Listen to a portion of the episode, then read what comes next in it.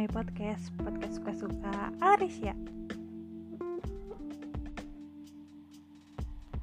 Oke, sesuai dengan request teman-teman di Instagram sebelumnya Hari ini podcast suka-suka akan membahas tentang pengantin pesanan Hah? Apa sih pengantin pesanan itu?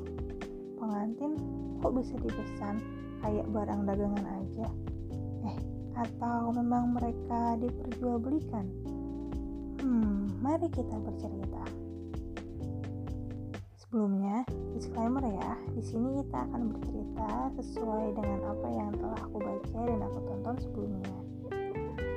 Awal mula kenapa aku ingin membahas tentang pengantin pesanan, karena sekitar satu minggu yang lalu itu aku buka Twitter, terus lewatlah sebuah tweet yang itu membahas pengantin pesanan dari Korea Selatan.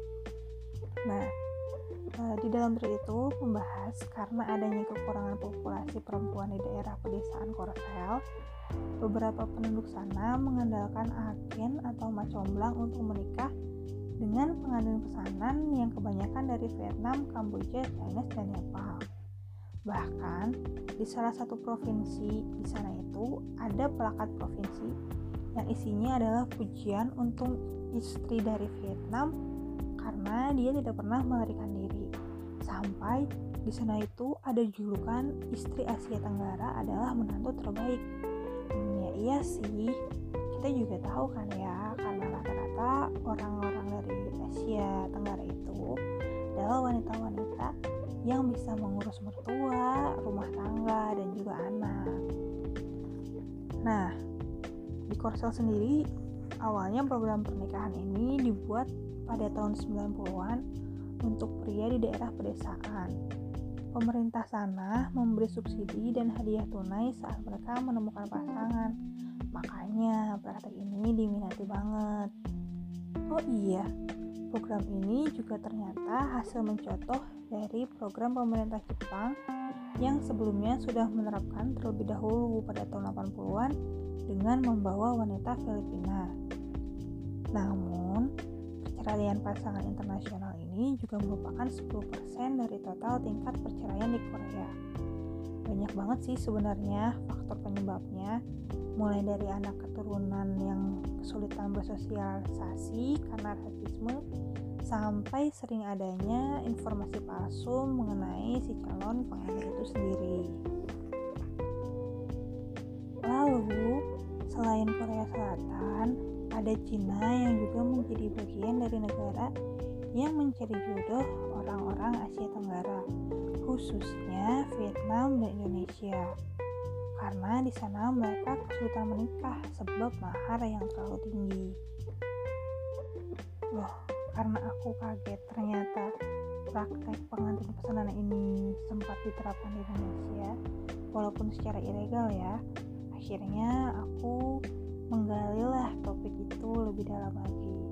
Aku buka YouTube dan menemukan tiga buah video yang menjadi satu rangkaian cerita, di mana isinya menceritakan uh, kisah korban-korban hasil dari pengantin pesanan ini. Jadi awal mulanya si WNA ini datang ke Indonesia menggunakan paspor atau visa wisata untuk stay selama satu bulan. Nah, selama satu bulan itu juga sang agen atau macombang diberi waktu untuk mencarikan calon pengantin untuk mereka. Pada awalnya, mereka mencari korban dan menjanjikan uh, korban iming-iming kesejahteraan bila menikah dengan warga negara asing. Beberapa korban tergiur karena desakan ekonomi maupun tidak jarang yang terjebak karena keinginan mereka sendiri. Nah, setelah itu eh, sang agen ini akan mengurus berkas-berkas untuk melakukan pernikahan antar negara yang di mana berkas-berkas itu juga hampir semuanya itu manipulatif.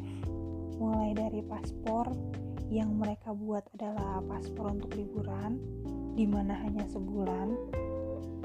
Uh, dan itu pun dijadikan mereka sebagai iming-iming juga kepada sang korban.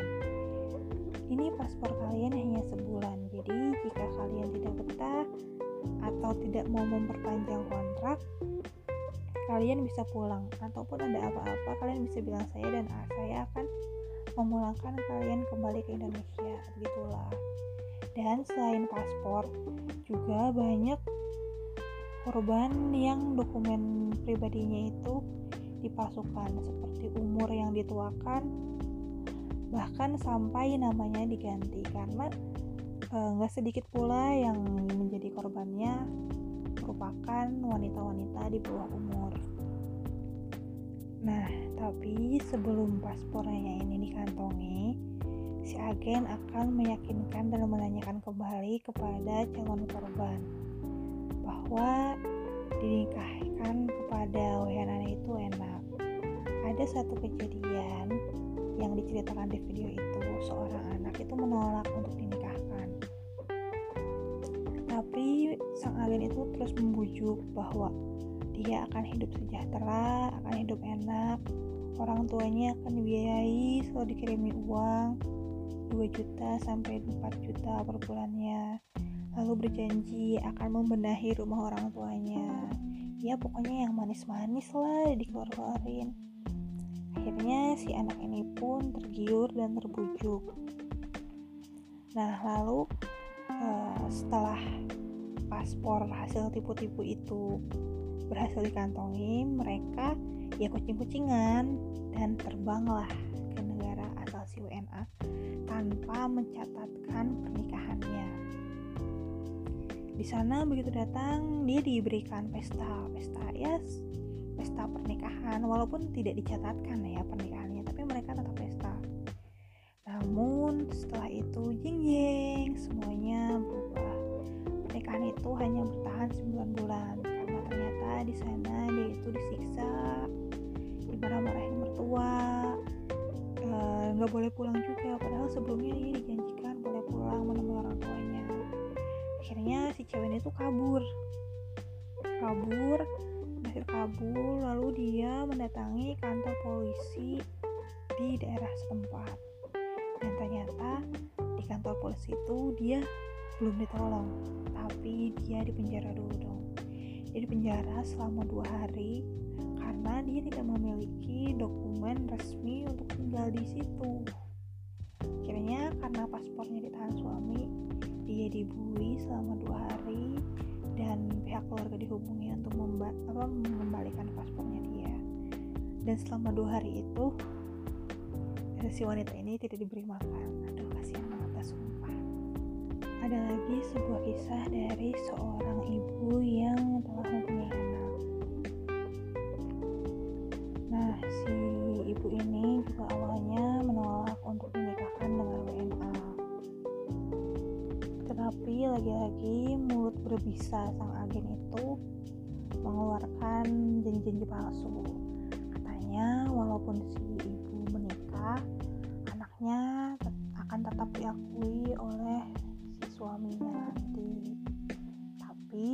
syarat si anaknya nggak boleh dibawa. Kan aneh ya kalau menurut kita. Terus juga keluarganya di Indonesia akan dikirim uang 5 sampai 6 juta tiap bulannya. Karena si ibunya udah punya anak uh, dia juga diizinkan pulang dua bulan sampai tiga bulan sekali. Atau minimal enam bulan sekali uh, dia bisa pulang ke nah akhirnya dibawa lagi tuh si ibu-ibu ke negara ini gitu kan. Uh, ya kenapa aku sensor? Kan dia udah sebutin Cina ya Cina atau Taiwan ya gitu. nah terus udah kan sampai di negara sana ternyata jeng-jeng kembali lagi lah terbongkar kebusukannya. Di sana tuh si ibu itu udah perbudakan disuruh kerja berbulan-bulan gak digaji. Terus dia itu dikurung di rumahnya. Kalau mau keluar pun harus ditemani suaminya. Walaupun itu hanya ke toko ditemani oleh suaminya atau ditemani oleh si keluarga suaminya ibu mertuanya kakak mertuanya itu itulah. Nah kejamnya lagi kan si ibu ini orang Indonesia ya. Kita yang orang Indonesia biasanya kan selalu makan nasi juga terbiasa makan nasi di sana itu dia hanya dikasih jatah makan nasi sebulan dua kali. Sisanya dia cuma dikasih makan bubur sama mie instan. Terus selain itu dia juga dapat kekerasan dari suaminya. Dia pernah dipukul di punggung di pinggang di kaki itu pernah. Lalu juga dia kan akhirnya sering menangis. Nah si mertuanya ini juga tambah murka karena mereka e, merasa si ibu ini sudah dibeli oleh mereka melalui perantara sang agen. Mereka sampai mengancam kalau dia berani pulang ke Indonesia dia akan dibunuh. Dia boleh pulang ke Indonesia asal dia harus punya anak dulu. Dan kalau mau pulang pun syaratnya anaknya harus sudah besar. Atau ada jalan lain yaitu dia harus bayar uang ganti rugi yang mereka bayarkan ke agen. Uh, si ibu mertuanya bilang uang yang mereka bayarkan itu sekitar 350 ribu yuan atau berapa pokoknya setara dengan 700 juta kalau dirupiahkan. Nah si ibu ini kaget dong kok 700 juta? Karena dia nggak merasa menerima uang segitu. Mahar yang diberikan oleh sang agen hanya 12 juta 700 juta ke 12 juta jahat banget gak sih sumpah itu orang-orang nah ada juga nih kisah selain mereka-mereka yang kabur yaitu yang dipulangkan ke Indonesia. Kenapa dipulangkan ke Indonesia? Apakah uh, sang suami dan mertua di sana baik? Oh, tentu saja tidak. Dia dipulangkan karena mengalami uh, gangguan mental dan kejiwaan. Setelah diselidiki, ke kenapa sampai mengalami depresi dan gangguan kejiwaan? Ternyata karena di negara sang suami sana si cewek itu tuh disiksa. Disiksa oleh suami dan mertua. Lalu uh, si suami itu selingkuh terang-terangan di depan dia dan anak hasil pernikahan mereka juga meninggal stres lah dia karena terlalu banyak tekanan depresi dan mengalami gangguan kejiwaan karena suami dan mertuanya merasa kalau dia tetap dipertahankan hanya buang-buang tenaga, buang-buang biaya, akhirnya dibuang lah dia dikembalikan ke Indonesia. Ya sejahat itulah. Yang ini masih mending sih, uh, walaupun memang sama mirisnya, ada yang lebih parah.